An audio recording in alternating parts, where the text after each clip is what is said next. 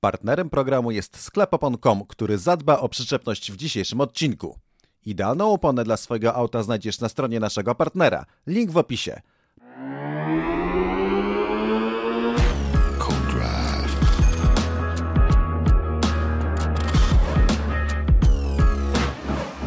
Co-Drive numer 42, a w 42 odcinku będą największe problemy McLarena, czyli jego kierowcy, The Last Dance Sergio Pereza i Helmuta Marko, tyle że dr Marko ma jednego naprawdę potężnego sprzymierzeńca.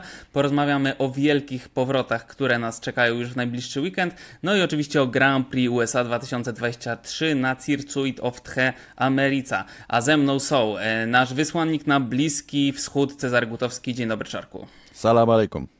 Alejkum salam. E, dzień dobry, jest nasza wysłanniczka na bardzo słabe mecze Polaków w piłce nożnej i bardzo fajne gale żużlowe. Dzień dobry, Aldona Marciniak. Dzień dobry. E, I witam się niżej podpisany ja, Max Kapłon. E, zanim przejdziemy do tych wszystkich super zajawionych tematów, to mam jedno ogłoszenie w dwóch postaciach, ale to wciąż jest, dotyczy jednej rzeczy tak naprawdę. Po pierwsze, jeżeli nie macie jeszcze opon zimowych, to to jest absolutnie najlepszy moment, żeby je zakupić, a jeżeli je kupować, to gdzie jak nie u naszego partnera, czyli sklep opon.com, serdecznie polecamy y, to miejsce na zakup opon, a jeżeli na przykład Wam brakuje troszkę do takich wymarzonych, po prostu jakichś niesamowitych yy, yy, opon, chciałem znaleźć jakieś lepsze słowo, ale, ale opony to doskonale opisuje y, ten przedmiot, e, to y, możecie wygrać pierwszym kodrajwowym konkursie, który przeprowadzimy razem z naszym partnerem sklepopon.com, możecie wygrać voucher na 500, 1000 lub 2000 zł. Konkurs odbędzie się na fanpage'u y, Cezarego na Facebooku, link jest w opisie do podcastu i uwaga, aby wziąć w nim udział i wygrać. Słucham, Czarku. Link się pojawi, bo jakby o siódmej mamy premierę podcastu, a Tak, my to tak, tak. gdzieś tam koło południa. Tak, tak, tak. Więc link się pojawi, ale będzie. Na fanpage'u Cezarego to już powiedziałem. I żeby wziąć i wy, udział i wygrać, należy odpowiedzieć na następujące pytania. Czytam. Softy, mediumy czy hardy? Czerwone, żółte, białe, a może niebieskie czy zielone? Które poszczególne mieszanki opon Formuły 1 przypisałbyś lub przypisałabyś do prowadzących co-drive, czyli naszej trójki i dlaczego? E, tak jak Czarek już zajawił, w południe w środę pojawi się post e, na jego fanpage'u. E, jeżeli oglądacie to na YouTubie, no to ten link już jest. E, tam odpowiadamy, e, tam udzielamy odpowiedzi, tam będą też na pewno zawarte wszystkie informacje.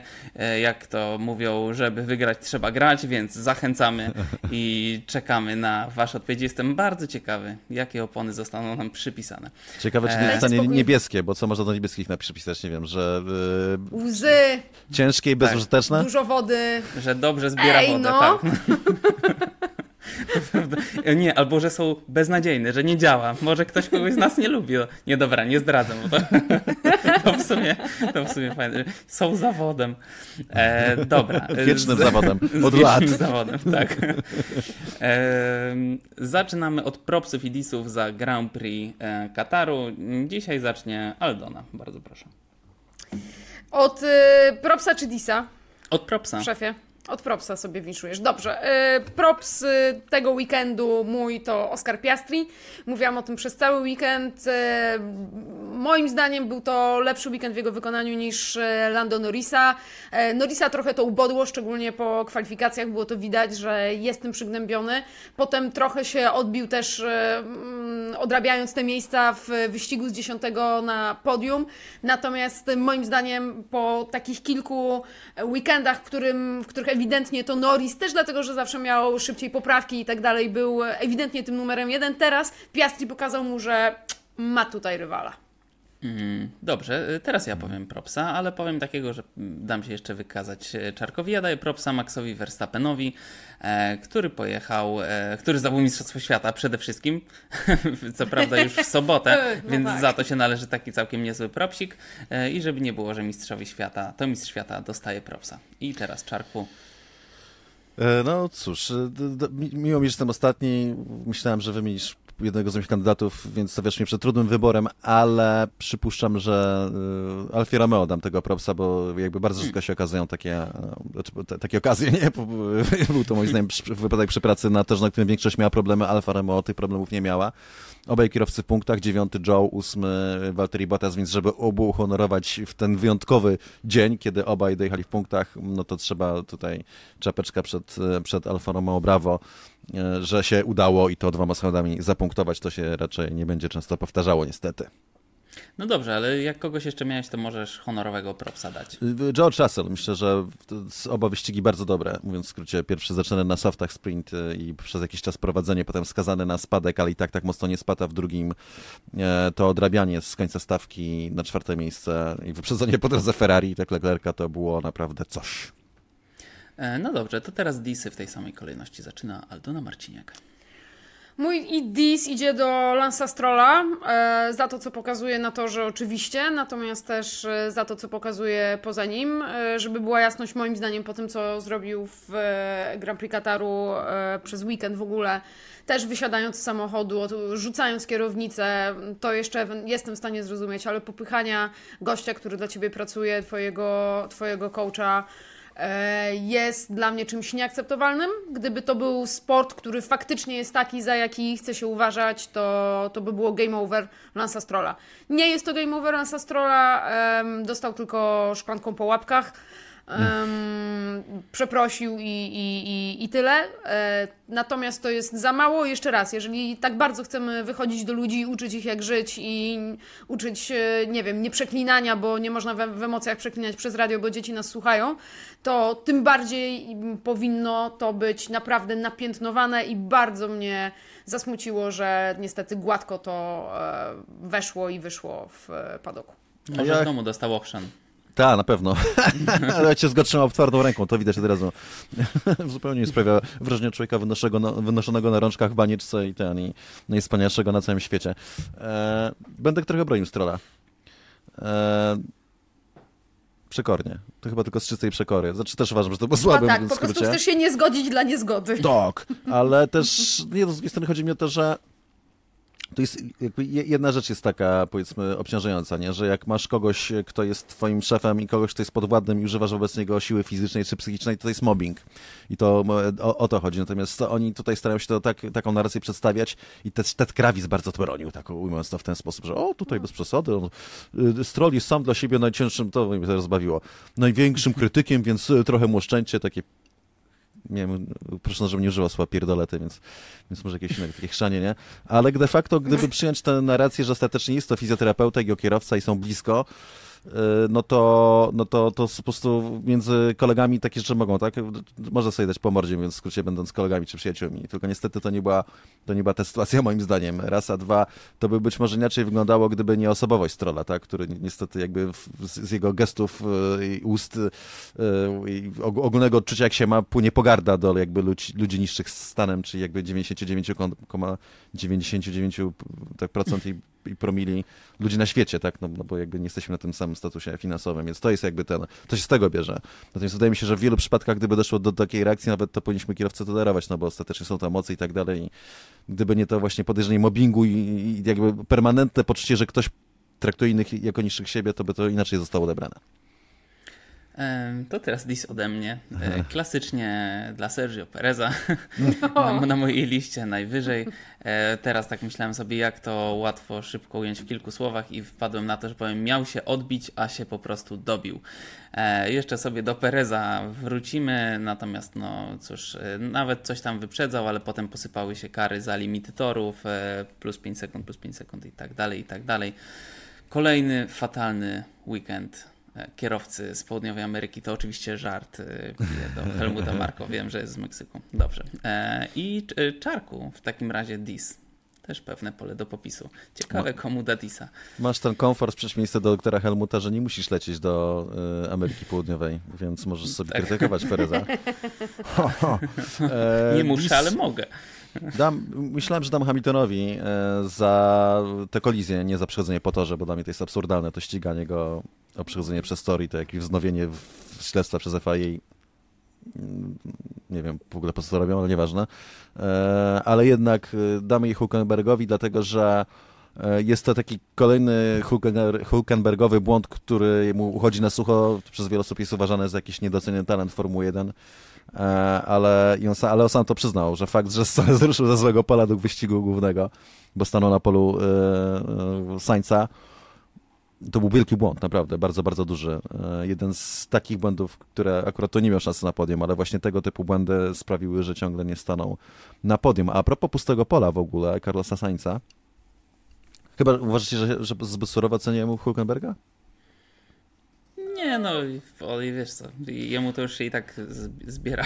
No tak, ale chciałem powiedzieć, po prostu to nie, powiem szczerze, to prywata, bo we fanvlogu być może to nie, niewyraźnie podkreśliłem, może dlatego też, że tak go krytykuję często, może nie tak często, ale tak dobitnie, kiedy, kiedy daje powody, a często daje powody, że, że być może nie chciałem już aż tak bardzo się nad nim pastwić, natomiast z tym polem dla Sańca mnie to zastanawia po dziś dzień, dlatego że był to wyścig, w którym wiadomo było, że będzie bardzo ciężki, bardzo ciężki fizycznie. Sainz był jednym z pierwszych kierowców, którzy mówili, że pogoda się zapowiada bardzo źle jeszcze we czwartek, zdaje się, jeśli dobrze pamiętam.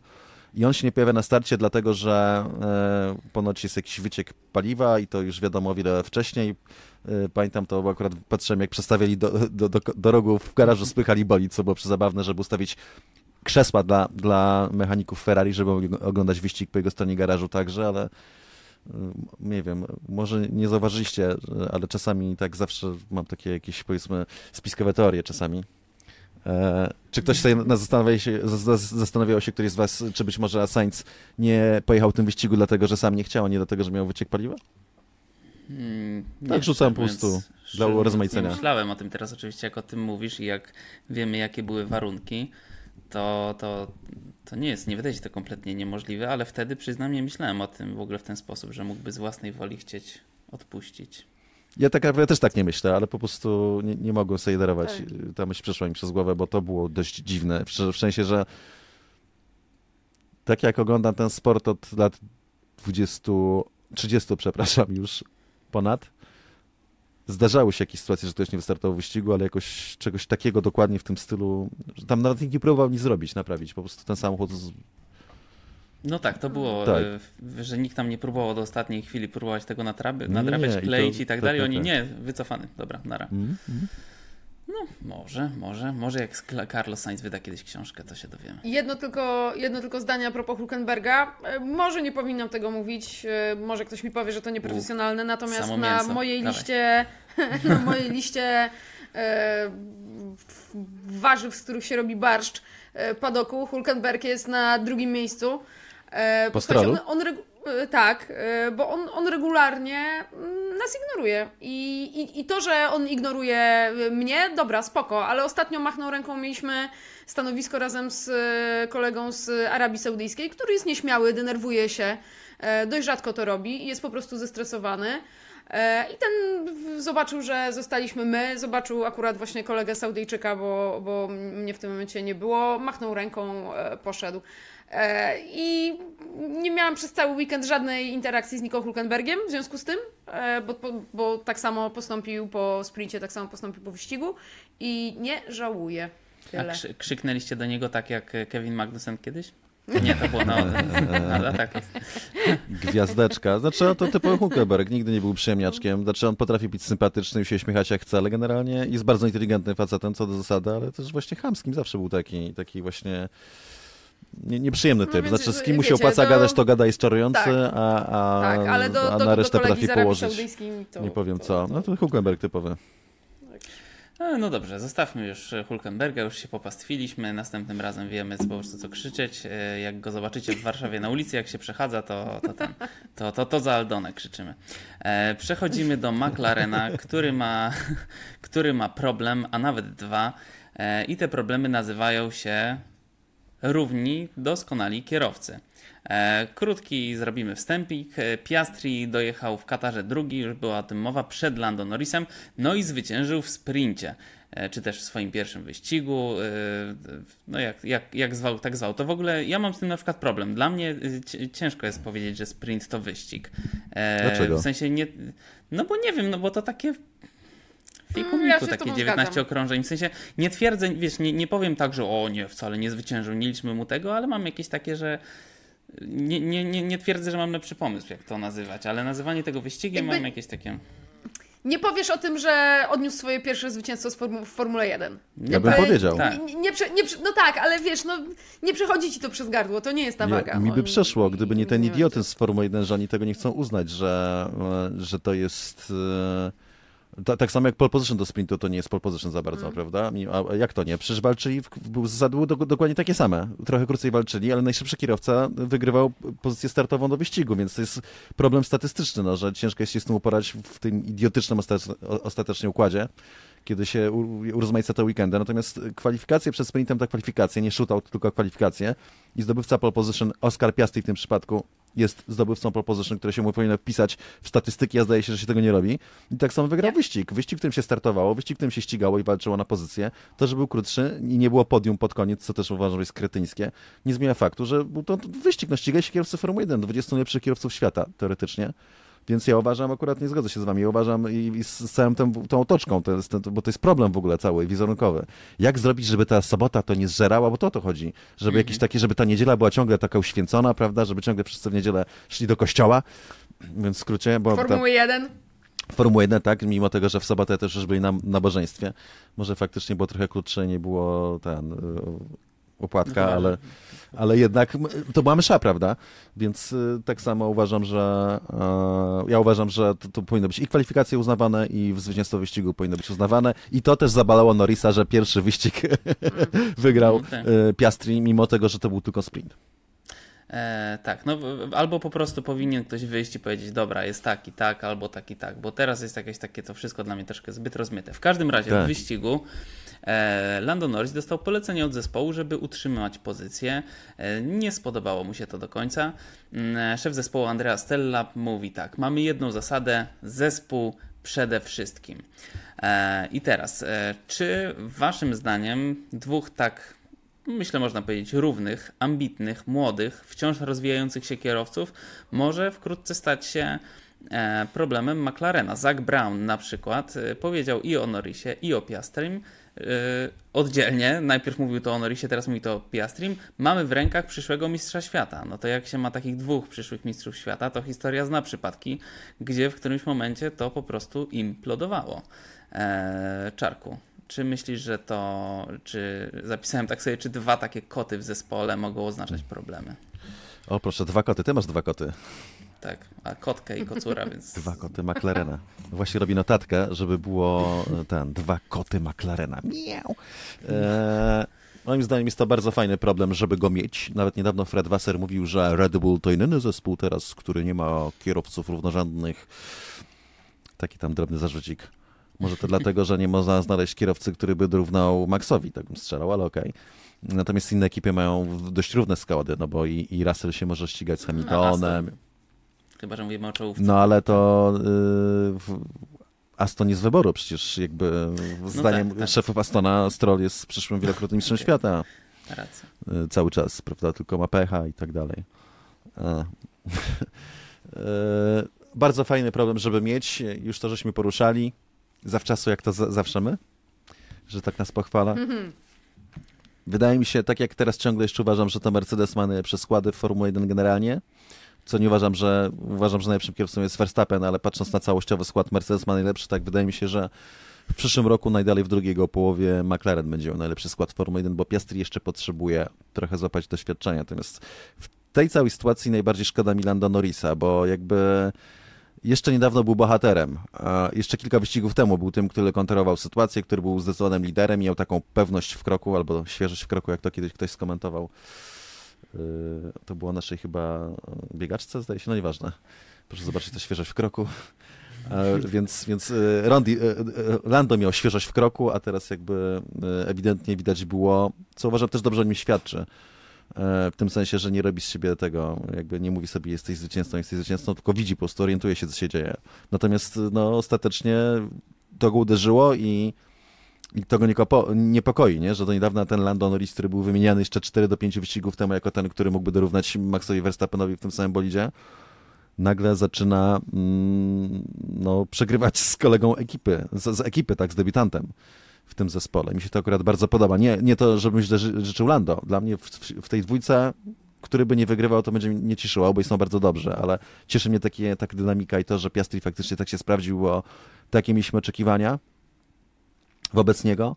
Broniliśmy go do połowy sezonu i akurat przed tym wyścigiem, w którym zaczął błyszczeć, powiedziałem, że tracę wiarę w niego i on akurat, to jest zwłaszcza do, do, dobry wznacznik. I on właśnie Przesłuchał kodrę. w, w, w, w tym wyścigu zaczął pokazywać i cały czas pokazuje. Nie? Ten, ten, ten chłopak jest e, świetnym zadatkiem na świetnego kierowcę.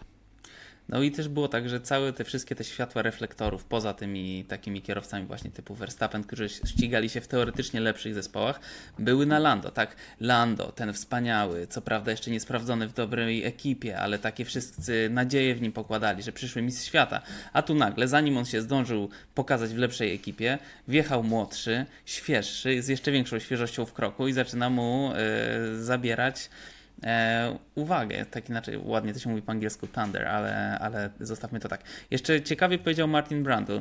E, oczywiście Oscar Piastri jest debiutantem, ale on przychodzi z Formuły 2. Tam walczył o mistrzostwa w kategorii juniorskiej, jednej, potem następnej i następnej. Ciągle walczył, walczył i walczył koło w koło. Tymczasem Lando jeździł przez lata w środku stawki, gdzie większe znaczenie miała strategia. Więc o dziwo Oscar może być lepiej przygotowany do walki na samym szczycie niż Lando, pomimo mniejszego doświadczenia.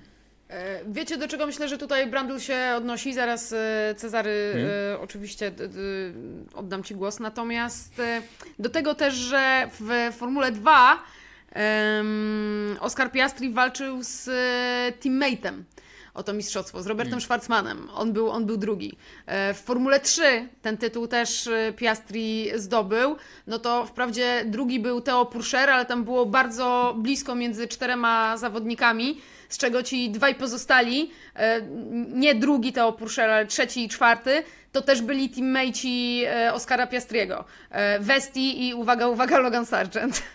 Natomiast Co być się może stało? też tak, być może też do tego odnosi się mm, do tego odnosi się Brandl, że mm, może Piastri z, no właśnie, z serii juniorskich ma jakąś wprawę w walce wewnątrzzespołowej, może ona nie będzie go, nie będzie go spalać.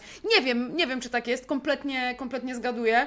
E, natomiast na pewno jest to nowa sytuacja dla e, Norisa, który do tej pory miał się jak e, pączek w maśle. Z Carlosem Sainzem bardzo się lubili, przede wszystkim jako teammate, ale było jasne, że to, że to Lando Norris jest tutaj tym przyszłym mistrzem świata. E, w tym składzie, a dla wielu było to zaskoczenie, że Ferrari sięgnęło po Sainza, a nie po Ricardo wtedy. No, Ricardo zjadł kompletnie e, i teraz tak naprawdę po raz pierwszy musi się mierzyć z kimś, o kim świetnie wie, że jest w stanie mu bardzo szybko dorównać. E, I, i, I to pokaże nam pewne słabości Lando Norrisa. E, dużo ostatnio o tym mówił Andrea Stella, że Norris cały czas jest bardzo krytyczny wobec siebie. Że nawet było to widać w tym weekendzie Grand Prix Kataru, jak wyszedł i, i, i mówił, że jest po prostu czasami yy, gówniany. I to też jest coś, co, co, co mu nie służy. Oni uważają, że to jest dobre, bo on będzie tą pierwszą osobą, która wskaże na siebie, jeżeli popełni jakiś błąd. Natomiast tak naprawdę ja nie wiem, czy to jest trochę granie pod publiczkę, czy, czy, czy faktyczne uznanie, że mogłem coś zrobić lepiej. Zmierzam do tego, że tak naprawdę e, teraz ten czas pokaże, gdzie są mocne strony, a gdzie są słabe strony Lando Norrisa, właśnie przy Oskarze Piastri. To nie jest gra pod publiczkę na pewno, to są to jest szczere takie bicie się w piersi, co więcej bicie się w pierś poparte e, tym, co się dzieje, jakimś w takiej jakiejś przytomności i cienia pokory w tym chłopaku, który nie ma w sobie aż tak dużo pokory, mówiąc w skrócie. Mm. Zwróćcie uwagę, że Charles Leclerc to jest inny kierowca, który lubi się samowiczować i też ma w tym rację. Tylko niestety za bardzo mu w to e, nie pomogło. Mi się wydaje, że w, jakby w tym duecie to, co jest kluczowe i to też na to zwracam uwagę chyba, to jest emocjonalność, czyli e, a szczególnie Piastriego. Mm. Piastri jest po prostu zimny i za, zawsze jak ostatecznie jak macie do wyboru dwóch kierowców, którzy mają bardzo porównywalne osiągi i prędkość, jeden z nich jest spokojniejszy niż od drugiego, to ten spokojniejszy będzie miał nad nim przewagę po prostu. E, ta zimna krew będzie działała na jego korzyść. E, więc, więc tu jest, tu widzę tak naprawdę największą przewagę ostatecznie. E, jak, jakby się miało rozgrywać o ułamki sekund i jakby decyzje w tym jednym momencie w czasie, które będą potem kosztowały cię punkty albo szanse na większe punkty, to przewaga będzie leżała po stronie Piastriego. Jedyne, czego nie ma na tym etapie, jak się zdaje, to jest oczywiście to doświadczenie, czyli na przykład te momenty, kiedy e, nie, na, na, dystansie wyścigu nie trzyma takiego tempa jak Norris, co miało miejsce chyba w, Japonii ostatnio, jeśli dobrze pamiętam, ale nie tylko.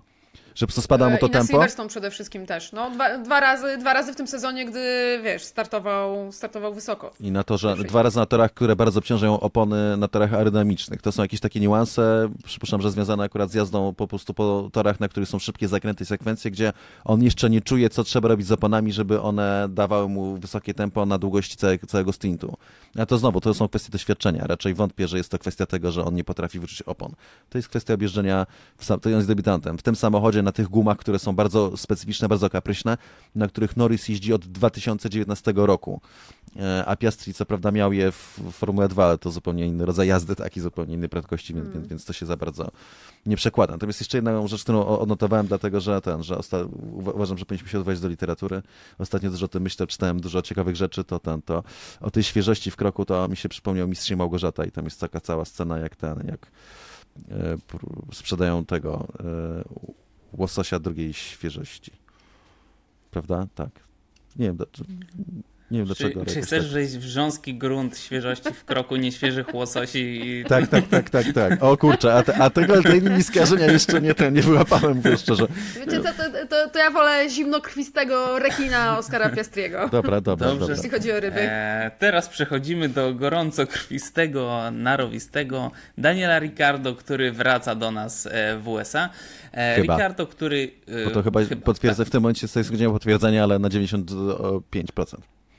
Tak, e, jeździł już bolidem Red Bulla z poprzednich lat. E, to był taki pokazówka oczywiście, e, ale, ale wszystko wskazuje na to, że Nashville? Nashville, że wystąpi. E, Daniel Ricardo, który jest nieoficjalnie uważany przez Teksańczyków za lokalesa, on uwielbia ich kulturę, uwielbia ich kuchnię, jest tam po prostu e, kochany. No i tak się zastanawiam, moi kochani, czego możemy spodziewać się po Danielu, bo tak, e, z jednej strony długa przerwa, ale z drugiej ma potwierdzenie kontraktu, wie, że będzie, wie, że już nie walczy o miejsce w składzie. E, Jest wypoczęty, to jest tor, który lubi, miejsce, które lubi. Czy możemy się spodziewać tutaj jakiegoś super wyniku, czy raczej musimy mu dać wyścig 2, żeby doszedł e, do siebie, jeszcze się wjeździł w to? No bo ile on tam pojeździł po tej przerwie, zanim sobie wyłamał te łapy, no tak naprawdę. To, jest, to jest e, drugi powrót e, de facto. Czy spodziewasz się, Aldona, jakiegoś super wyniku po swoim, po swoim Danielku? Po, po moim. Em, wiesz co, chciałabym, natomiast trzeba na to spojrzeć realistycznie i mam nadzieję, że też, że też e, w Alfa Tauri podejdą, podejdą do, tego, do tego spokojnie. Wprawdzie pod nieobecność Ricardo udało się e, no, wywalczyć znaczące dla tej ekipy dwa punkty i teraz też będą poprawki, więc nadzieje są duże, o tym będziemy jeszcze pewnie, pewnie mówić później. To Ricardo musi wykorzystać benefit tego, że... Mm, że ma spokój, że e, pod jego nieobecność Perez się tylko bardziej zakopał, nie wykorzystał tego w żaden sposób, żeby podbić swoje papiery i cały czas e, będą Ricardo rozważać pod kątem zastąpienia Sergio Pereza. E, I to jest ta presja. Natomiast e, musi być na tyle mądry, żeby, żeby go to nie zjadło. Zgadzam się, że to jest duża szansa, ten drugi powrót, tak jak, tak jak mówisz, i tych kilka wyścigów, które zostały do końca sezonu, ale w tej chwili Ricardo może więcej zepsuć i musi, musi ogarnąć e, w głowie to, żeby nie popełnić błędów. Nie, nie wiem, nie zrobić czegoś takiego jak Lawson w, w ostatnim e, Grand Prix, gdzie sobie e, sam wyjeżdża, nie, nie, nieproszony przez nikogo. To musi być czysty weekend przede wszystkim, Ricardo. To jest cel numer jeden. Mi się wydaje, że tutaj się zabawa się skończyła. Niestety na nieszczęście dla Daniela Ricardo zastąpił go Liam Lawson, który poza ostatnim weekendem, gdzie miał prawo naprawdę popełnić wszelkie błędy świata, bo jest debiutantem, on po prostu zaorał Tsunodę. Przewaga, jaką pokazał e, we wszystkich swoich słabościach, ale potem to, co z tego wyciągał, e, to było coś, czego Ricardo nie pokazał wracając do Formuły 1. E, I fakt jest taki, że Ricardo miał powiedzmy dłuższą przerwę od ścigania, a Lawson się ścigał w superformule, ale jednak e, moim zdaniem wyznaczył tak wysoki poziom i to będzie szczególnie, oni nie będą mówili tego oficjalnie, ale on jest przekonany i moim zdaniem jest naprawdę, zdaje sobie sprawę z tego, że potem co zrobił Lawson, on po prostu musi wejść i zrobić dokładnie to samo. Czyli musi zarać Tsunodę. Nie mówię, żeby pokonać go w każdej sesji, tylko na mecie. On na mecie wyścigów musi dojeżdżać regularnie wyżej niż Yuki. Widzę, że Aldona kręcisz głową. E, Wiesz co, znaczy, a propos, zastanawiam się nad tym, nad tym zaoraniem. Czy Ricardo faktycznie był tak słaby w momencie, w którym wrócił na te dwa wyścigi? No nie, no pierwsze kwalifikacje jesteś szybszy od Sunody, e, cały czas jest blisko, potem wiesz, no wiem, że powiesz mi, że to błędy Tsunody, no ale jak nie startuje w ogóle do wyścigu we Włoszech, no to to nie jest błąd Tsunody. E, więc też trochę złożyło się rzeczy podczas tych wyścigów, które jechał Lawson, które sprawiły, że Tsunoda tak bardzo źle wyglądał. Głównie, I na torze, i wiesz, i awaryjnie, i na torze. Znaczy, zdaję sobie, to nie było 100% tylko i wyłącznie Tsunoda, ale raz by wystarczył, a było więcej. Kto zdobył punkty? A ten błąd? Lawsona, ja wiem, ja wiem, że ty go bronisz i, i jakby też oczywiście przyjmuję, że, że Katar to było najtrudniejsze, co można było rzucić debiutantowi, absolutnie. E, natomiast ostatecznie e, on był wtedy naprawdę, on był wściekły Lawson na siebie, bo Bardzo on dobrze. wiedział, że, że, że, że popełnił błąd, który, okej, pewnie na niczym nie zaważy, ale Ricardo takiego błędu nie popełnił. Lawson popełnił błąd sam z siebie. No tak, b- słuchaj, ten, ja będę go bronił za ten błąd, dlatego że e, jest debiutantem i złapał się na tym, jechał bardzo dobrze jeden zakręt, a w drugim zakręcie okazało się, że jednak ta różnica przyczepności była skrajnie różna i po prostu wszedł za szybko w zakręt i go postawiło, bo już na, na, nagle zjechał z linii idealnej przyczepności na starcie. Pierwszy start, znaczy start po prostu wyścigu, sam początek, więc pierwszego do tego jeszcze sprintu, po jednym tylko treningu dla faceta, który jeździł, który, czwarty weekend w Formule 1 w ogóle generalnie? Więc to było wszystko, on takie rzeczy powinien robić regularnie, mówiąc w skrócie, biorąc pod uwagę, jak został wrzucony do tego samochodu. Tak więc, no ja uważam, że, że w jego sytuacji nie można mu niczego zarzucać. Tylko, tylko on może to zrobić, a jeszcze raz, moim zdaniem, to rzuca ogromną presję na Ricardo. Ricardo jest kruchy psychicznie, został pojechany w McLarenie i może sobie chodzić tak z wielkim uśmiechem, założyć ten swój teksański kapelusz, ogolić sobie brodę jak na, na teksańczyka i mówić z zabawnym akcentem, wszystko ok. Może wyjechać sobie na koniu do padoku, ale nie z tego będzie roz- rozliczany przez swoich szefów, tak? To może działać na nas fanów, którzy go bardzo lubimy i się śmiejemy. I on naprawdę próbował przykryć uśmiechem wiele swoich niedociągnięć przez te lat, dwa lata w McLarenie, ale dla Red Bulla, i dla, czyli dla Alfa Tauri generalnie, czyli dla Red Bulla to nie będzie miało większego znaczenia. Ostatecznie będzie chodziło o to, oni szukają kierowcy, żeby mógł startować u boku Maxa Verstappena, żeby móc na nim polegać w momencie, kiedy Red Bull nie będzie miał takiej przewagi jak teraz, która wcale nie jest aż tak wielka znowu. E, bo pokazuje to Perez właśnie. Perez nie jest przecież aż tak słabym kierowcą. Więc oni, oni potrzebują, oni nie mają gwarancji, że w przyszłym roku będą mieli naj- najszybszy bolid i potrzebują kierowcy, w którego będą mogli uwierzyć, że dowiezie to to mistrzostwa konstruktorów. Nawet jak Max nie wygra mistrzostwa kierowców. I Perez tym kierowcą nie jest, to już wi wiadomo na pewno. I Ricardo powinien to pokazać i moim zdaniem będzie mu ciężko. Słuchajcie, do padoku to każdy głupi potrafi na koniu wjechać, ale gdyby na starting grid wyjechał na koniu, na przykład, że taki żart, to by było, to byśmy go zapamiętali. E, ale myślę też, że Ricardo powinno zależeć na czystym weekendzie, żeby po prostu jeździć, żeby nastukać tych kółek jak najwięcej, żeby zdobywać e, dalej pewność siebie. To nie Max, jedy- to by dopiero wejściówki na starting grid e, ograniczyli, wiesz? Żadnego konia na gridzie, żaden Żadne grid nie takie dostanie znaki stickera. powinni postawić wtedy. To Amerykanie to by nie był znak, tylko no horses on the grid by było napisane. Tam wszystko musi być prosto. To by była dyskryminacja koni. Tak, na pewno. No Kogo? właśnie. Końscy aktywiści by przylepili te podkowy na tarkach, żeby w, ten, w ramach protestu. To nie jest jedyny powrót, e, ponieważ do USA wróci też, uwaga, może nawet nie wiedzieliście, że go nie było, Toto Wolf. A mogliście nie wiedzieć, że go nie było, ponieważ odzywał się, na przykład strofował George'a Russella, że e, keep focus on driving i tak dalej, jak Russellowi troszeczkę się ulało na Louisa. E, otóż e, mm, Toto Wolf miał zrobiony rzekomo symulator pitwall i garażu w domu i tam się łączył. Świetne, bardzo chciałbym to zobaczyć. Czy ktoś widział jakieś zdjęcia? Wiecie co? E, ja Nie, nie wiem, jak to wyglądało w domu Toto Wolfa, ale mogę wam powiedzieć, jak to wygląda w fabryce Mercedesa. Taki pokój do kontroli wyścigów. To jest taka aula, czyli no, na, górze, na górze w ostatnim rzędzie jest wyżej, na dole jest niżej. Z przodu cztery wielkie ekrany. E, oczywiście z live timingiem, e, kamera na garaż jeden, kamera na garaż drugi i przekaz telewizyjny. Postawki na E, napoje i Tam są. A, a komentarz via Play Z- czy, czy, czy F1 TV Pro? z 40 biurek, em, przy każdym biurku dwa ekrany. E, I przy każdym z tych biurek, e, oczywiście wszędzie, e, wszędzie mm, te same dane, mm, i przy każdym z tych biurek masz te same pokrętełka, które masz na pitwallu, czyli na Hmm. pitwallu widzisz, że ten guziczek oznacza, że się łączysz z Lewisem Hamiltonem, a ten z Rogerem Russellem, a ten z kimś tam i dokładnie te same pokrętełka, tylko mniej, ich tam jest nie wiem, z 10, ma każde stanowisko z tych, y, nie wiem, z 40 stanowisk w tej, e, w tej auli podczas kontroli wyścigu. I to było coś, co mnie zdziwiło, że bo spytałam, czy, czy jest taka opcja, że trwa wyścig, jest wyścig live i ktoś z tego pokoju może nacisnąć ten guziczek i powiedzieć coś bezpośrednio do Louisa Hamiltona. Może.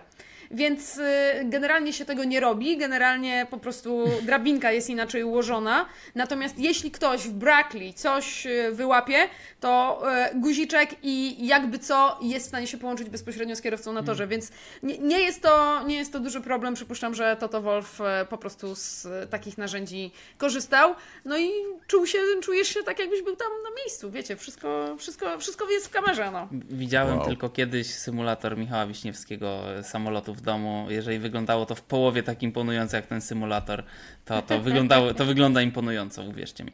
E, a jeszcze tak się zastanawiałem, czy myślicie, że mm, brak obecności ciałem Toto Wolfa podczas wyścigów e, ma jakiś wpływ e, na to, jak zespół no, funkcjonuje? To chyba nie, no bo to są zbyt wielcy zawodowcy i profesjonaliści, żeby tam było jakieś rozprzężenie, bo nie ma Toto i nagle, nie wiem, jemy pizzę między pitstopami, to raczej nie.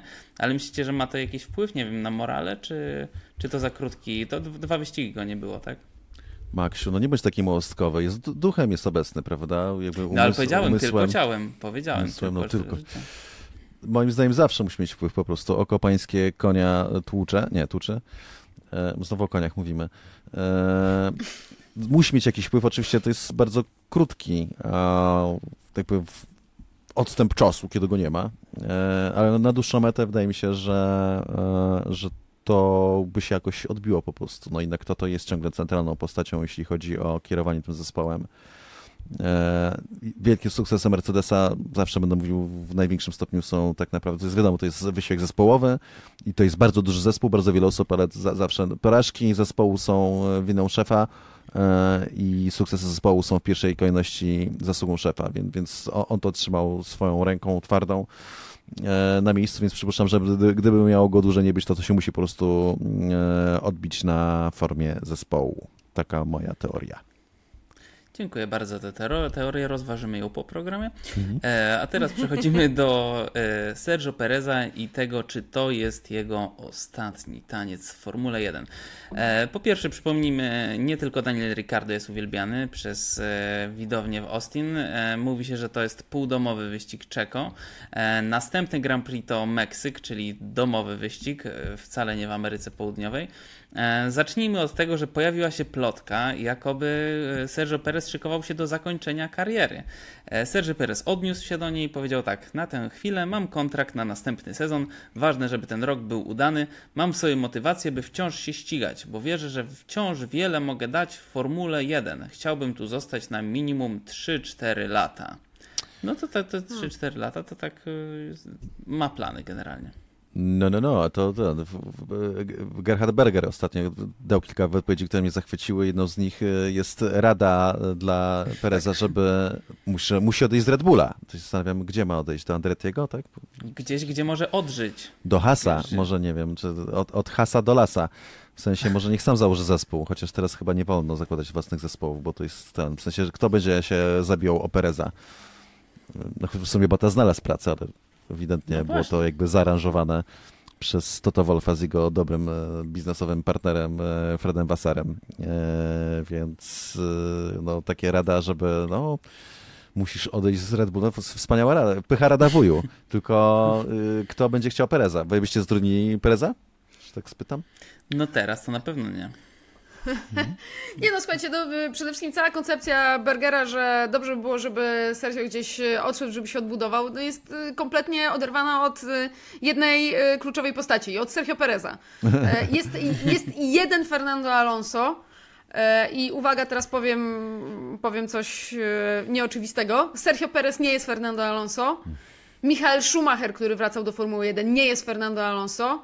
Kimi Raikkonen po swoich mistrzowskich latach e, zostający w Formule 1, cholera wie po co, nie jest Fernando Alonso.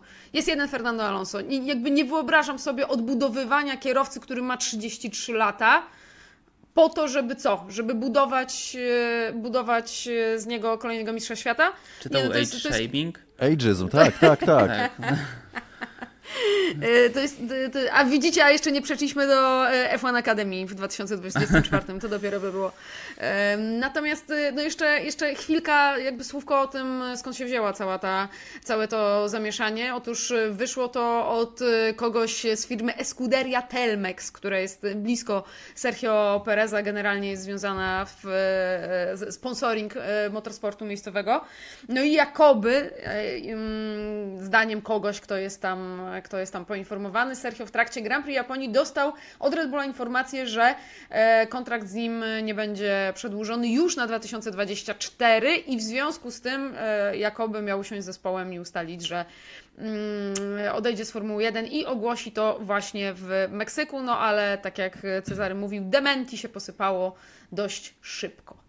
No ale Helmut Marko y, też dokłada swoje A propos dementi, demencji. Tak, e, a prop, e, w ogóle do samego Helmuta Marko zaraz jeszcze przejdziemy. E, 80-letniego Helmuta Marko zaraz jeszcze przejdziemy, ale o Czeko mówi tak. Czeko musi zrobić wszystko, co w jego mocy, bez oglądania się na maksa. Z zespołu dostaje jedynie wsparcie, ani trochę krytyki. To, że jest traktowany w Austin i w Meksyku jak bohater, również mu nie pomaga. Chodzi o presję. No i jeszcze w USA mamy weekend sprinterski. E, Sergio zawsze potrzebuje chwili, żeby znaleźć swoje tempo. Mam nadzieję, że w Austin będzie prawie dobrze, a w Meksyku już dobrze. I teraz ważny fragment. Chcemy, by Czeko znalazł swoją prędkość. Szczerze mówiąc, nie mamy alternatyw na jego miejsce. Gdybyśmy mieli, to Czeko miałby dużo większy problem. Doskonałe No, słowa wsparcia. To jest właśnie, To jest właśnie w ten czyste sposób wsparcie chcesz, z zespołu. chcesz być motywowany. To jest masterclass Helmut Marko, motywa- motywacja i ciepłe słowo. Sad but true, jak to mawiają. Jak mówi, że Och. zawsze potrzebuje znaleźć chwili, żeby znaleźć swoje tempo, y, Helmut Marko, to po, może to dlatego, że jest z Ameryki Południowej i temperament mu nie pozwala. Tak, tak, tak, tak, tak. Myślę, Może że to to się- może się z tego bierze. Ostatecznie do tego. Jest taki facet, który się nazywa Joan Villadelprat. I to jest, e, no ja go poznałem w ten sposób, że Przeliteruj. Joan Villadelprat. E, On był założycielem zespołu Epsilon Euskadia. Ktoś dobrze orientuje się w karierze Roberta Kubicy, to wie, że w tym zespole Robert startował w 2005 roku i zdobył mistrzostwo World Series Bayern, co otworzyło mu drogę do Formuły 1.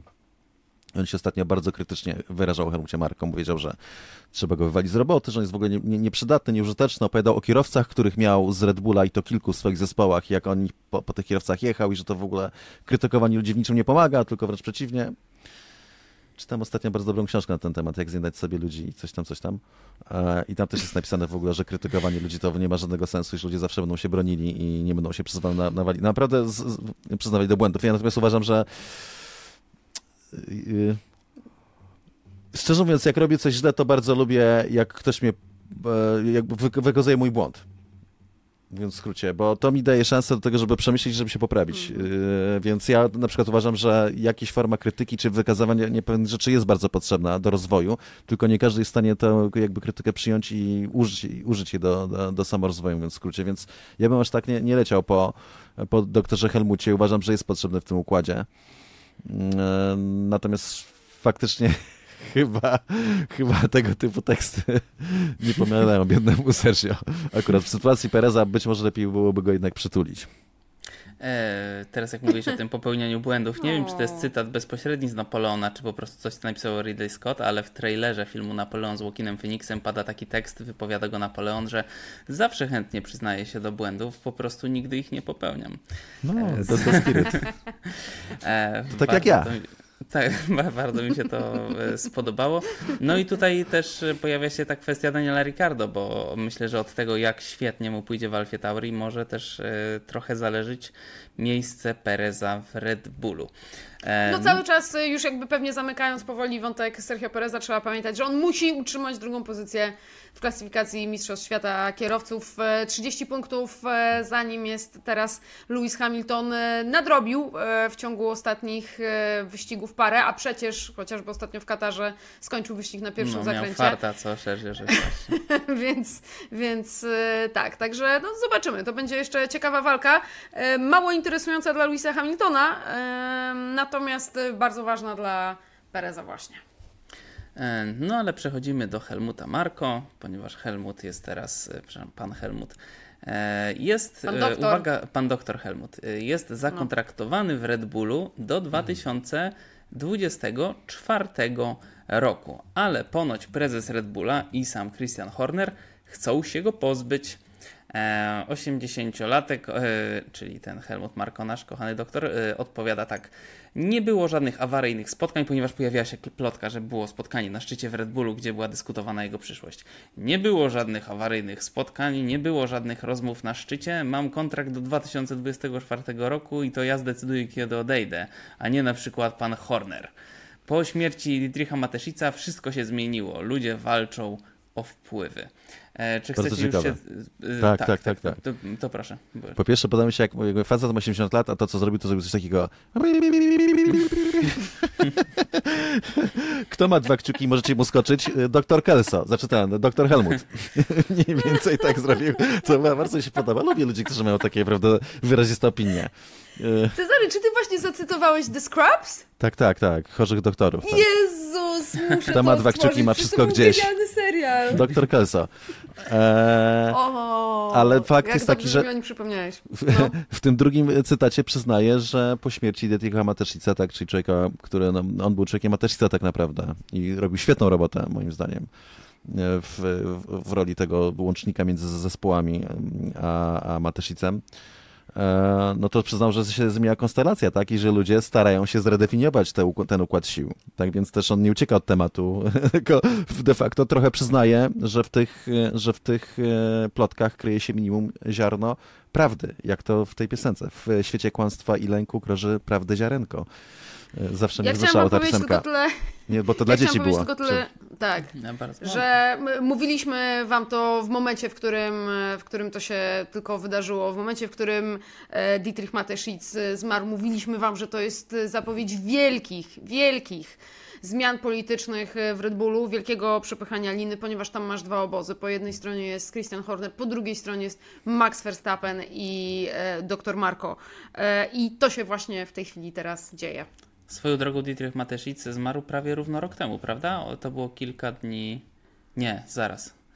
Nie, nie, To już w Grand Prix USA. e, Tak, tak, tak, to oni ale, tak- ale, nie, ale niekoniecznie to musiał być ten sam, to z tym mi się po, po, pomyliło. To było tuż przed Grand Prix USA, ale niekoniecznie Grand Prix USA musiało być dokładnie e, rok temu, stąd moja No, ale stąd mniej więcej z grubsza No ale tak, tak. dobrze, więcej- dobrze trafiasz, bo 22 października zmarł A, e, no doktor to Marko. E, Doktor, Boże, e, Boże. Mateschitz rok temu. Oho, je, uwaga, Doktor mamy Marko, to, macie nagra- dobrze, mamy macie to dobrze. jeżeli coś się Macie wydarzy dobrze. doktorowi Marko, to mamy to e, nagrane. Chrystusie powiem niebieski, wam, co tu się e, wydarzyło?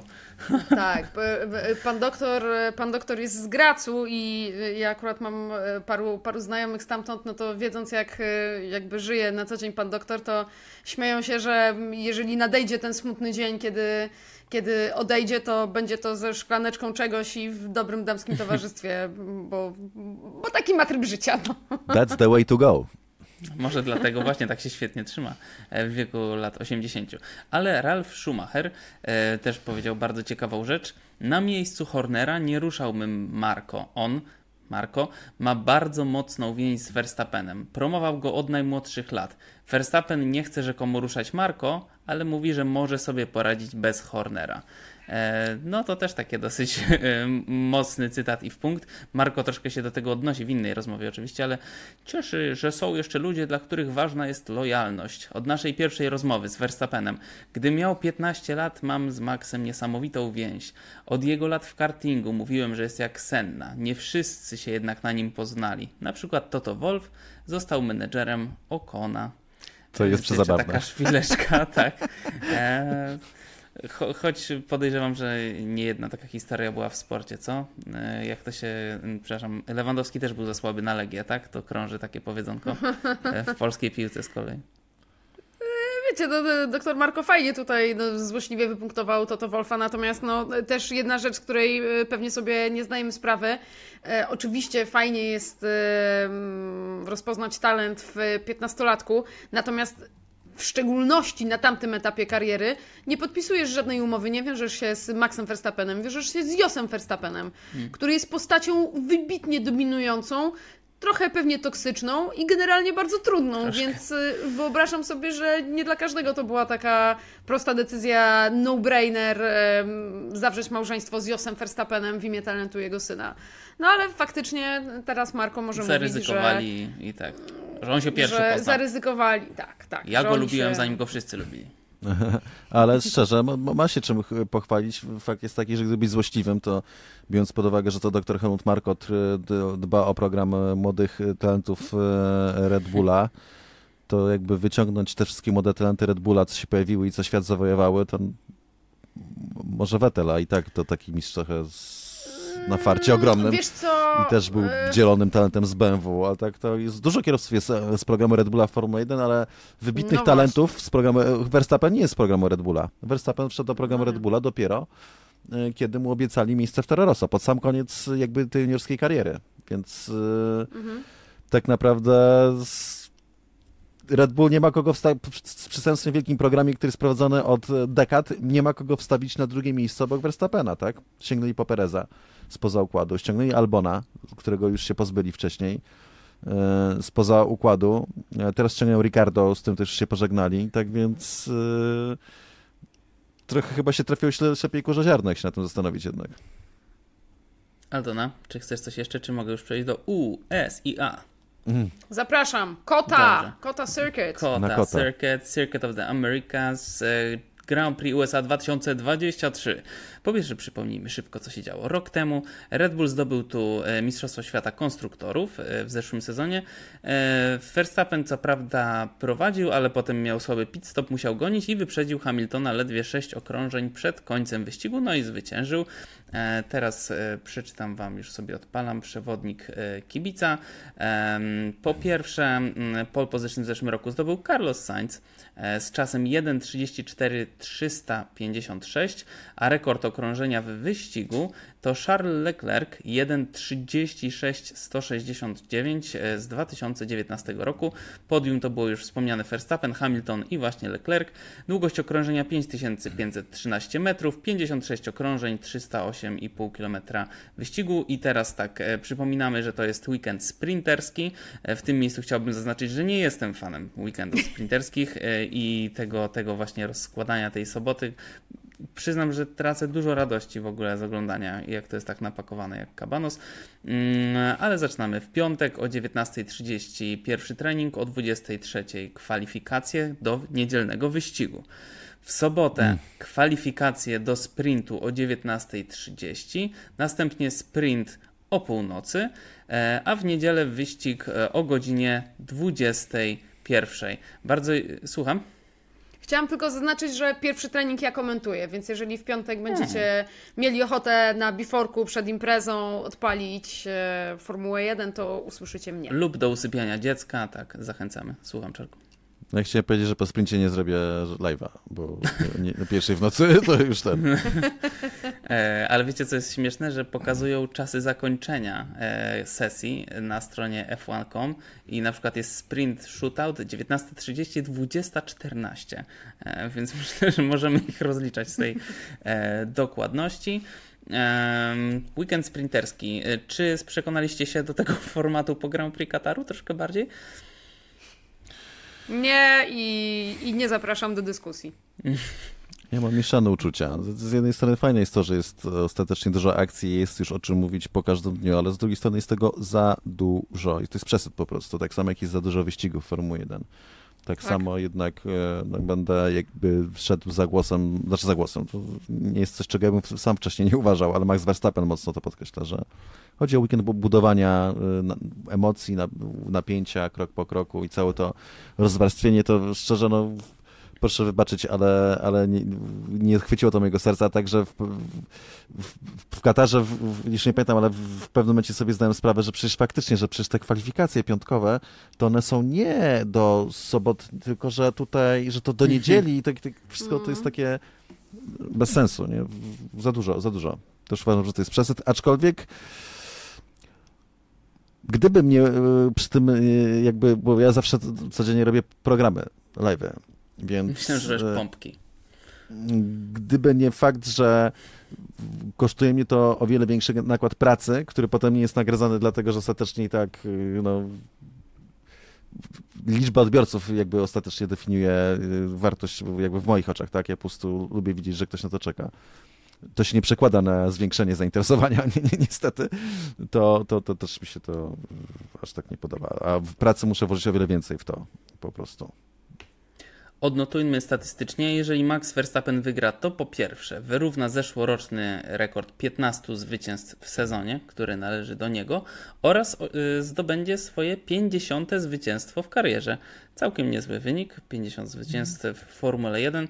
E, jeszcze zrobię taką małą dygresję. Mm, Verstappen a propos tych zwycięstw i rekordów, e, znowu powiedział, on to powtarza, bo to już było wcześniej, ale dla mnie jeden czy siedem tytułów, wszystko jedno. Marzyłem o jednym na zdrówko, zdarza się każdemu. Wyciszymy to, ale Aldona kichnęła. E, marzyłem o jednym, każdy kolejny to bonus. E, no to to nie jest takie. Mm, chyba trochę mu wierzę, że ma takie podejście, bo on to po, mówi w zasadzie od swojego pierwszego tytułu, że on marzył o jednym, każdy następny zdobyty tytuł to będzie super, ale jemu zależało na jednym. Ty, Czarku, tylko nie pamiętam, gdzie to powiedziałeś, czy we fan vlogu, czy w, czy, czy w kanale, e, że, od, że dla ciebie od tych trzech tytułów e, poza wyjątkami typu Fetel, e, można określić, że e, ten mistrz jest naprawdę wybitny. To mi się spodobało. E, zgadzam się z tym, jak sobie to przemyślałem zdecydowanie. Bardzo mi miło. To moim zdaniem to ma znaczenie. Max Natar patrzy inaczej, ale to jest ukryte Max Verstappen oczywiście. Jakby... Ja powiedziałem, że się zgadzam. Tak, tak, tak. On to przykrywa moim zdaniem taką pokorą szczerą, czyli on po prostu zdaje sobie sprawę, że ma duże szczęście, że ma ciągle do dyspozycji boli, który mu pozwala zdobyć kolejne tytuły, tak? Więc już ten pierwszy, z jego punktu wyjścia, kiedy on wie, że jest mega dobrym kierowcą, to już tak wiesz, że w, w jego zdaniem fakt, że już ten jeden raz udało mu się dostać do ręki taki sprzęt, który będzie mógł to pokazać, to jemu wystarczył. W jego przypadku to może mieć zastosowanie. Ale w przypadku jednak większości kierowców, no to jeszcze raz, nie, nie, nie dlatego Fernando Alonso marzy o tym trzecim tytule, że dwa to dokładnie tyle samo jeden. Mm. Tak? To ten trzeci tytuł to jest naprawdę przekroczenie pewnego progu już tylko dla orów, prawie tylko, bo tam powiedzmy, że jeden nie orzeł się tam wkradł. Jednego mogę mówić. E, ani pan, ani pani nie lecą do Austin, prawda? Czy się mylę? Nie. Nie, nie. ale leciliśmy. Nie. Tak, to wiem i właśnie chciałbym, żebyście powiedzieli mi w ogóle o torze, bo chyba to jest taki ogólnie i tor, i miejsce, i padok, i wszystko lubiane, prawda? W sezonie. Zwłaszcza jak ktoś lubi żeberka i kapelusze. Padok może nie do końca, bo jest taki... Chodziło mi o atmosferę bardziej niż... Yy, mnie też nie chwyciła atmosfera, aczkolwiek e, spotkałem w tym padoku między innymi Mafię McConaughey'a i to tak kilka mm. razy, to tak naprawdę, że prawie się ocieraliśmy pośladkami, że tak to ujmę. Eee... Ale on o ciebie, czy ty o niego, bo to też ma znaczenie. No, no raczej o niego. nie, to było, to było przesada z tymi pośladkami. Ale, ale no, że po prostu no, bardzo, bardzo, bardzo blisko, tak? Czy to tam w e, McLarenie była taka zabawna sytuacja, jak e, wszedł, e, oni tam siedzieli, on był z jakąś grupą ludzi, Mafii McConaughey i siedzi Lewis Hamilton, ja się zastanawiam, czy on był po prostu słońce spaliło tego Mafiu i tak dalej, ale zachował się jako osoba, która powiedzmy nie jest w 100% jakby przytomna i coś tam rzuca i mówi and this is me mother. Nie, nie, nie, z angielskim taki and this is me mother. On jest z, z, z Teksasu, prawda? Ma taki e, e, teksański, taki co jest taki śmieszny sposób powiedział, że to jest ja matka, czy taki w ogóle taki nagle wyskoczył z tym. takie urocze. E, Austin o, ale... jest fajnym, fajnym miejscem mówią, że jest imprezowe bardzo, ja tego nie zaznałem, bo mieszkałem w miejscowości San Marcos, nie liczyć z Narcos, znaczy nie mylić z Narcos, aczkolwiek się trochę kojarzyło, bo tam po prostu było taniej, bo wtedy generalnie bardzo drogo wtedy w, w, w Austin, to mi się kojarzy tak, że motel tak, że mi się kojarzył z filmem Braci to nie jest kraj hmm. dla starych ludzi, także nie szukałem może walizki z dolarami w tym, w w, w kanale wentylacyjnym, ale być może czekałem, aż ktoś przyjedzie i będzie strzelał przez szybę do tego motelu. Eee, pamiętam, że wysłali mi, spytałem w recepcji takich e, mi, miłych dwóch chłopaków, e, gdzie mógłbym zjeść, to mi wysłali do knajpy taki, że jakiś meksykański, że w zasadzie to wszystko, nieważne co by tam podawali, wszystko smakowało tak samo, czy nie smakowało, więc w skrócie było to naprawdę strętne. E, jakoś nie wiem, nie mam takich super wspomnień, natomiast tor jest świetne, tor jest bardzo dobre, faktycznie jest na nim kawał dobrego ścigania. Fakt jest taki, że jest wyboisty, ostatnio się mocno zrobił. I to może być problem, ponoć trochę to poprawili, ale nie aż tak bardzo, natomiast e, no co, ma 20 zakrętów, 5,5 km, bardzo dobra długość jak na współczesne tory, w, zawiera w sobie sekcje ściągane z kilku innych torów typu e, pierwsza sekwencja łuków, pierwszy zakręt taki w ogóle lewy nawrót, trochę się kojarzy ze, ze spa, tylko w drugą stronę. Bardzo szerokie wejście, trochę węższe wyjście, na którym bywają problemy. Potem mamy sekwencje łuków, które są teoretycznie z Silverstone brane, ale też mogą się kojarzyć z Suzuką. E, w, są tam elementy Istanbul Park, czyli chodzi o ten zakręt numer 8, jeśli dobrze pamiętam, tak, taki o, o, o, no, po prostu o łuk znowu. E, ale też i przypuszczam końcówkę toru, taką bardziej przełamaną Czyli są też te zakręty takie techniczne. Mamy sekwencję łuków, czyli tam, gdzie aerodynamika, ale mamy też w końcówce e, wolniejsze zakręty od 13 do 16, czyli ma takie w sobie trochę wszystkiego. Ma długie, proste, ma miejsce, gdzie można atakować, czyli znowu do pierwszego zakrętu, bardzo stromy podjazd. Tam super fajnie widać w ogóle, jak się wejdzie na tor. Jak ktoś jedzie, to polecam, bo będzie można wejść na tor prawdopodobnie i żeby sobie pójść spacerem do pierwszego zakrętu, bo jest bardzo ładny widok na, na tor. Jest naprawdę wysoko, o wiele wyżej niż się zdaje. E, do, mamy zakręt 11, który jest nawrotem i potem jest najdłuższa prosta do 12 znowu. Do 13 można atakować, więc jest to tor taki, no uważam, że bardzo fajny i, i dobre ściganie na nim było przez lata i teraz też wierzę, że będzie dobre ściganie. No i opony dostają w kość, tak to trzeba powiedzieć, że może nie tak jak w Katarze, ale, ale też dostają po tyłku, więc przewiduje się, że pewnie dwu, dwa postoje strategii to może być norma. Zanim jeszcze przejdziemy do naszego podium i oceny czarka pewnej, yy, zaznaczmy o zmianach, które wprowadzają ekipy, bo tych zmian jest sporo i, i na górze stawki, i też chyba jeszcze więcej na dole stawki. Po pierwsze, Mercedes ma przynieść nową, przywieść, przynieść to raczej nie, nową podłogę. Czy spodziewacie się, że ta nowa podłoga odmieni Mercedesa? Aldona? Wiecie, no dla nich y, cel jest jasny. To nie chodzi o to, żeby w tej chwili mm, tutaj wyprzedzać Red Bulla. E, James Allison o tym mówi, tylko to jest bardziej kwestia wskazania kierunku na 2.24 to jest to, co oni tutaj będą, będą sprawdzać i, i, tych odpowiedzi szukają. Więc y, spokojnie to nie jest tak, że tutaj koniecznie chcemy, chcemy od razu e, wywrócić wszystko do góry nogami, aczkolwiek też mają jeszcze trochę do ugrania, no bo muszą się bronić przed Ferrari w klasyfikacji Mistrzostw Świata Konstruktorów. Natomiast to jest przede wszystkim e, zajrzenie w przyszłość, czy e, to ten kierunek, w którym idziemy, ma sens. No właśnie, wspomniałaś o Ferrari. E, pytanie, czy faktycznie mają się przed czym bronić, ponieważ w Katarze Ferrari wyglądało znacznie gorzej. E, Ferrari, Leclerc e, i nie niż Mercedes, tylko Russell, bo Hamilton to się wyłączył sam z walki. No ale Russell hmm. jadąc z końca stawki Leclerca zawinął jak ma wieczorek bez mydła, więc jak to wygląda w Waszych oczach? Czy, czy Mercedes ma się tu czego obawiać? Wierzę, że Ferrari będzie mocniejsze o wiele e, w Stanach. Że raz, że są tam te sekcje typu długie, proste, które pomogą Ferrari, są tam sekcje wolne. Jedynym znakiem zapytania są sekwencje szpichuków, ale na Suzuce Ferrari pokazało, że jest to problem po części rozwiązany, więc tylko jedyne co to właśnie te opony się mocno zużywające, czyli będzie znowu ten test może się zdarzyć, że na przykład Ferrari będzie musiała jechać wolniej na dwa pit stopy niż Mercedes czy, czy inne ekipy w tej okolicy, czy McLaren, dajmy na to. McLaren powinien być mocny znowu tutaj. E, albo że inne ekipy będą mogły przejść na jeden pit stop, tam gdzie Ferrari na dwa, ale wydaje mi się, że zrobili tu postępy i wierzę, wierzę że Ferrari będzie mocniejsze niż, niż w Katarze akurat e, w Stanach Zjednoczonych. Generalnie uważam, że będzie bardzo blisko, będzie bardzo równo, że my, my, nie wiem, dla mnie zagadką jest tylko Red Bull. W sensie, czy nie będzie tak, że Red Bull będzie znowu krok przed wszystkimi. Nie duży, ale trochę. I tylko jeden Red Bull. A dalej, jeśli chodzi o Ferrari, McLarena i Mercedesa, moim zdaniem będzie bardzo ciasno. Chciałem Cię potem, Czarku, wywołać, żebyś nam zrobił y, ocenę układu sił, ale zrobiłeś już ją teraz. Y, hmm. ale zgód, ale zgód. E, tak jak już nieraz tutaj powtarzamy, co prawda z przodu już wszystko wiadomo, ale za Maxem Verstappenem toczą się bardzo ciekawe pojedynki. Mamy Astona Martina i McLarena, czyli coś, co e, jeszcze jakiś czas temu wydawało się bardzo mało możliwe wręcz niemożliwe, że McLaren ich dogoni. Teraz mają 11 punktów straty jedynie do Astona. Mike Crack e, z Astona mówi tak, nie mamy teraz prędkości, by walczyć z McLarenem, ale zrobimy wszystko, co w naszej mocy, więc jak rozumiem, nic nie zrobił, bo po prostu wiedzą, że przede wszystkim y, walczą dwóch na jednego. Maksiu, brutalnie. No tak sądzę, że jak mówi, że zrobimy wszystko, co w naszej mocy, to raczej nie ma żadnego asa w rękawie.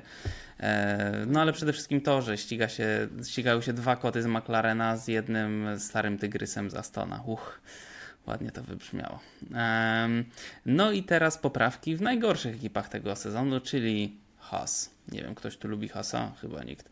E, duże zmiany, przeprojektowane sekcje boczne. Has pokazał nowe malowanie na takich e, e, graficzkach komputerowych i już rzekomo na tych grafikach widać te przeprojektowane sekcje boczne, bardzo podobne do Red Bulla ogólnie, e, zupełnie przypadkowo, nie, oni wcale nie mówią, że to jest przypadek, ale Magnussen mówi tak, nie oczekujcie cudów od razu, na pewno nie od niego, Musimy, potrzebujemy chwili, żeby te poprawki zaczęły działać, mm, no i Alfa Tauri również nowa podłoga, czy myślicie, że tam z tyłu też jeszcze będzie walka o miano, walka o miano najgorszej ekipy? Walka o spadek, jak to Walka o spadek, tak. jeden z, z selekcjonerów. No słuchaj, y, końcówka, końcówka tabeli wygląda w ten sposób. Ósme miejsce Alfa Romeo 16 punktów, dziewiąte miejsce Haas 12 punktów, dziesiąte miejsce Alfa Tauri 5 punktów. To są takie wyniki, że wystarczy Ci jeden dobry strzał, jeden świetny weekend, jedno niespodziewane szóste miejsce, siódme miejsce, tak i, i jesteś w stanie podciągnąć się o dwie pozycje w klasyfikacji konstruktorów. E, nie sądzę, żeby Williams był jakoś bardzo zagrożony, no ale dla porządku dodajmy siódme miejsce 23 punkty, więc to jeszcze ewentualnie może być cel dla e, Alfy Romeo, no może, może, może dla Hasa. E, więc y, to jest się o co bić, bo to są grube miliony w e, różnicy i, i warto, absolutnie warto walczyć. Tym bardziej, że, no tak jak mówię, jeden strzał, jeden dobry weekend, dwóch kierowców w punktach, coś się dzieje niespodziewanego i bang, masz to. Tam jest kasa do wyjęcia, proszę Państwa. I bank masz to. Słuchajcie, wiecie co, wpadł mi taki pomysł na barter, że jak masz dużo punktów, to na przykład Red Bull może odsprzedać punkty Hasowi w zamian za jakiś czas w tunelu aerodynamicznym na przyszły sezon. To by dopiero zrobiło fajne komplikacje. Ciekawe, kto by tego pilnował. E, no dobrze, Czarek już przedstawił tutaj układ sił, czyli że będą się mieszać, e, więc teraz e, podium Czarku. Podium. Max Verstappen Verstappen, äh, Lando Norris und äh, Lewis Hamilton. Dziś mi tam Ferrari brakuje, za mało miejsc. No dobra, niech tak będzie. Aldona. Eee, wziąłeś dokładnie moje podium. I teraz pytanie, co robić? Czy robić skok na punkty w naszej klasyfikacji, którą Max e, pieczołowicie sporządza? Czy, czy zagrać inaczej po to, żeby było inaczej? Dobrze. Zagraj na bank, idź na całość. Max e, Verstappen E, Lando Norris, Oscar Piastri. E, to ja Max Verstappen, Oscar Piastri i Carlos Sainz w takim razie. Oh, Very nice. Skok na, Very skok nice. na punkty. Zobaczymy. Zobaczymy, jak to będzie. Jeszcze zanim e, się rozstaniemy, jeden temacik, bo wydaje mi się, że to warte poruszenia. Hamilton wywierał naciski, wywierał, wywierał i czyżby zwyciężył. Otóż to jeszcze nie jest potwierdzona informacja na temat, natomiast według Automotor und Sport dyrektorzy Formuły 1 spotkali się i rozważali wprowadzenie zasady, na mocy której bolidy na 2026 rok będą mogły być projektowane dopiero od stycznia 2025, żeby nie dać po hmm. prostu komuś, kto już na przykład ma zagwarantowane miejsce w kwalifikacji sezony wcześniej, forów w postaci e, projektowania samochodu na, samochodu na następne sezony. O to walczył Hamilton, przypominam, wskazując, że Red Bull na przykład może już rozwijać bolidy na następny sezon, że to jest nie fair. E, zapominał pewnie, jak to Mercedes robił w latach poprzednich. E, myślicie, że mm, to będzie dobra zmiana, coś takiego wprowadzenie? Czy to jest już zbyt duża ingerencja? Tylko takie pytanie postawione. To dyrektorzy techniczni o tym gadają i ponoć jest tak. większość, większość e, za tym. Powiem tak, po pierwsze, paradoksalnie to może pomóc Red Bullowi. To jest teoretycznie wycelowane w Red Bulla. Nie bez powodu Christian Horner mówił pół żartem, że Adrian Newey jest człowiekiem, jedynym człowiekiem, który widzi powietrze. Czyli w momencie, kiedy odbierze się wszystkim narzędzia typu CFD i tytuły aerodynamiczne, to Adrian Newey będzie tym facetem, który usiądzie z ołówkiem i na tej karteczce sobie wyrysuje rzeczy i pójdzie dalej niż inni inżynierowie, bo po prostu takie rzeczy czuje i widzi, jest geniuszem. Więc on nie będzie potrzebował tego, a inni tak, więc to może zadziałać dokładnie w drugą stronę. Poza tym planują się bardzo radykalne zmiany na sezon 2026 i dalej. Więc moim zdaniem styczeń 2025 to jest bardzo późno, żeby zacząć już pracę nad nimi. Nie każdy zespół ma takie moce przerobowe jak Mercedes, Ferrari czy Red Bull, więc na tym mogą stracić biedniejsze ekipy, po prostu nie będą, nie będą w stanie. No i jeszcze zostaje kwestia silników, prawda? Silniki nie mogą być za, jakby, trzeba, już, już pracują nad silnikami, bo to jest zbyt skomplikowany mechanizm. Natomiast e, e, być może przez to jeszcze nie, nie, niektórzy producenci położą większy jakby wkład w te silniki i Formuła 1 znowu będzie bardziej silnikowa niż nadwoziowa, co moim zdaniem akurat temu sportowi nie służy. Z tego mieliśmy dominację Mercedesa tak, tak, tak, tak przez wiele lat, że Red Bull nie miał dobrego silnika, a Mercedes zrobił swój wcześniej. Tak więc ja bym w to tak bardzo nie ingerował, ale fajnie, że przynajmniej robią to od nowej formuły technicznej, a nie od momentu, kiedy sobie tego Louis zażyczył. Powinni zrobić w ogóle taki minimalny czas, w jakim możesz przygotować wszystkie części i wtedy no albo trafisz totalnie we wszystko, albo w nic nie trafisz. E, kochani, zanim skończymy, e, sekcja, która możliwe, że staje się powoli tradycją, czyli teraz dowcip czarka. Czarku, słuchamy, co Jej! dla nas przygotowałeś. Tak, tak. E, sobie miałem dowcip na temat szachów, ale jest bardzo nieobyczajny. E, po prostu chciałeś kontynuować moją dobrą tradycję.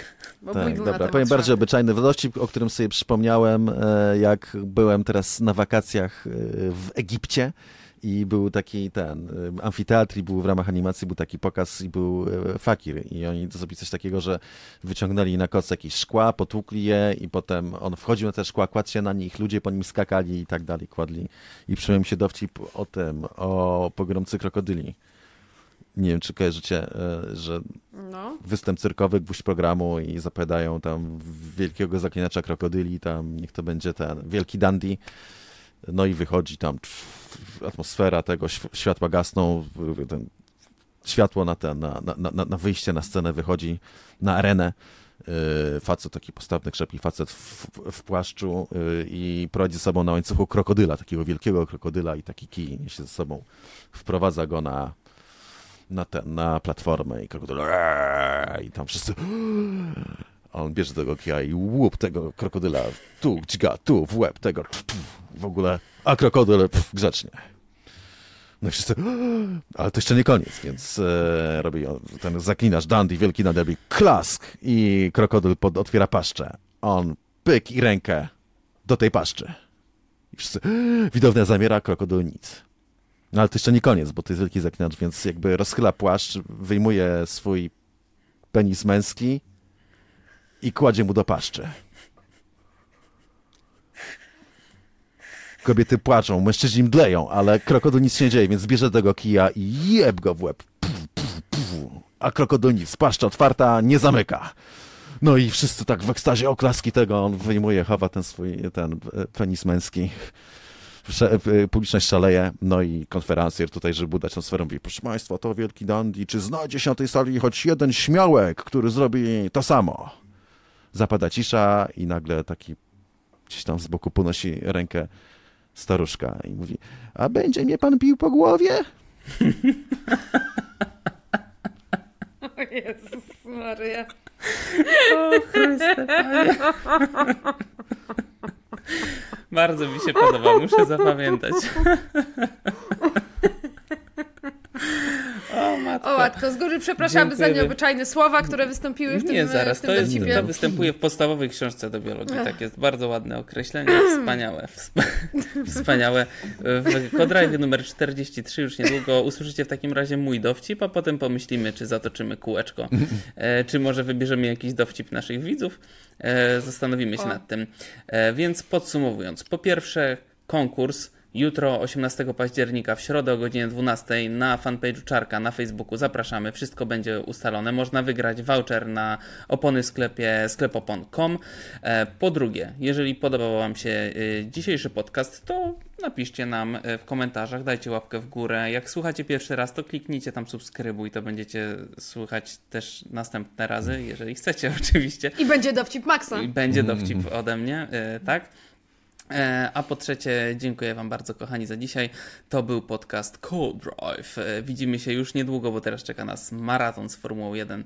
Do zobaczenia. Do widzenia. Pa, pa. Thank you. Thank you. Thank you.